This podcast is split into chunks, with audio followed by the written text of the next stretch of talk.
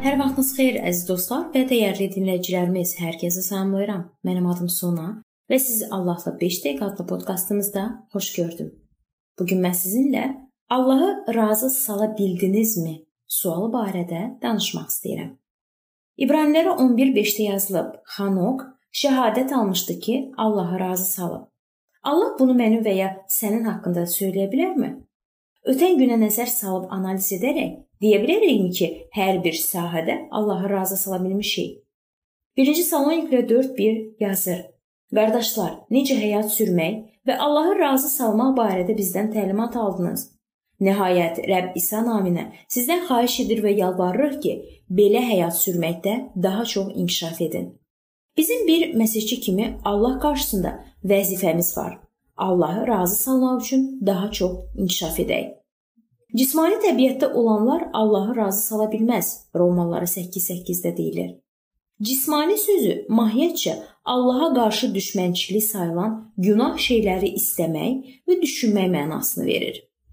Allahı razı salmaq əvəzinə cismin daxilimizdə baş qaldıran egoistik və dünyəvi maraqları, şəhvəti razı salmağa çalışır. Amma biz eyni vaxtda həm Allahı, həm də cismi təbiətimizi razı sala bilmərik. Heç kim iki ağaya qulluq edə bilməz. Matta 6:24. Məsihdə olan hər bir məsihçi səmavi atanı razı sala bilər. Matta 11-ci fəsil 28-ci ayədən 30-cu ayəyə qədər bu sözlər yazılıb. Ey bütün yorğunlar və yükləri ağır olanlar, mənim yanıma gəlin. Mən sizə rahatlıq verərəm. Mənim boyunduruğumu üzərinizə götürün və məndən öyrənin. Çünki mən həlim və qəlbən itaatkaram. Bununla canınıza rahatlıq taparsınız. Çünki mənim boyunduruğum rahat və yüküm yüngüldür. Əgər İsa Məsihin boyunduruğunu üzərimizə götürsək və onunla birlikdə həyat yolunu getsək, həyatda rastlaşdığımız çətinliklərin öhdəsindən gələ bilərik.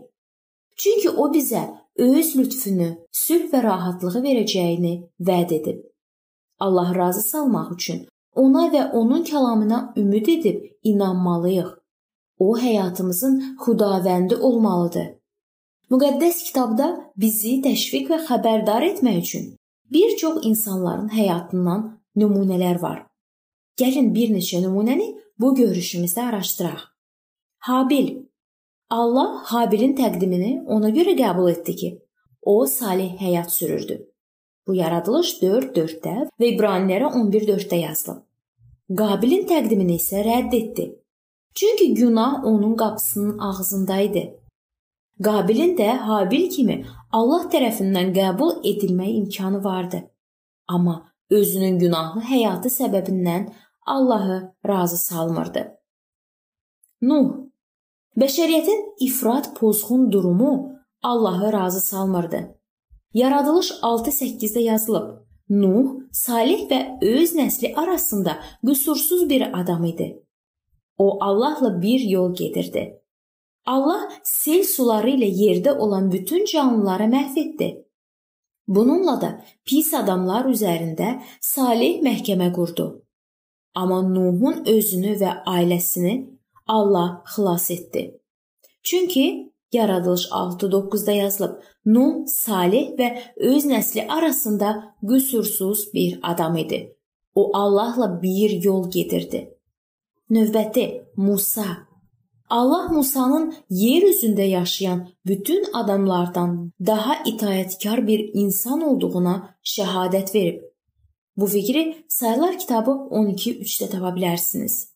İsrail xalqı narazılıq edib Allahı qəzəbləndirməyə başlayanda Musa xalqa görə Allaha yalvardı ki, qəzəbini mərhəməti ilə əvəz etsin.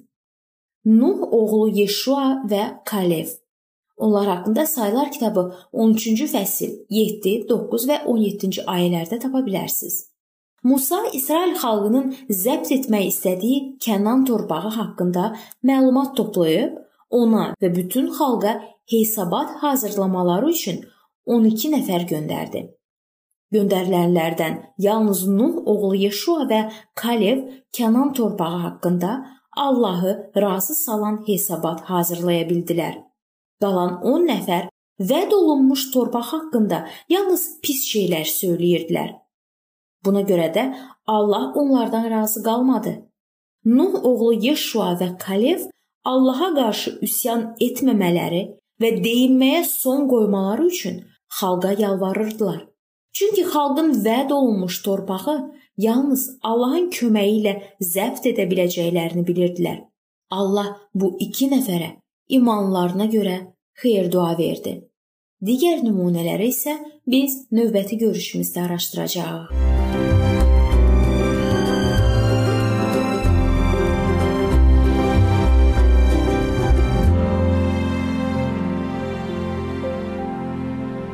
Beləliklə əziz dostlar, bu yerdə bu mövzu sona çatdı.